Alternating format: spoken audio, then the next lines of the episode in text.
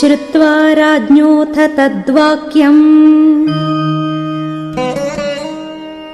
मनसा स विचिन्त्य च प्रदास्यते पुत्रवन्तम्।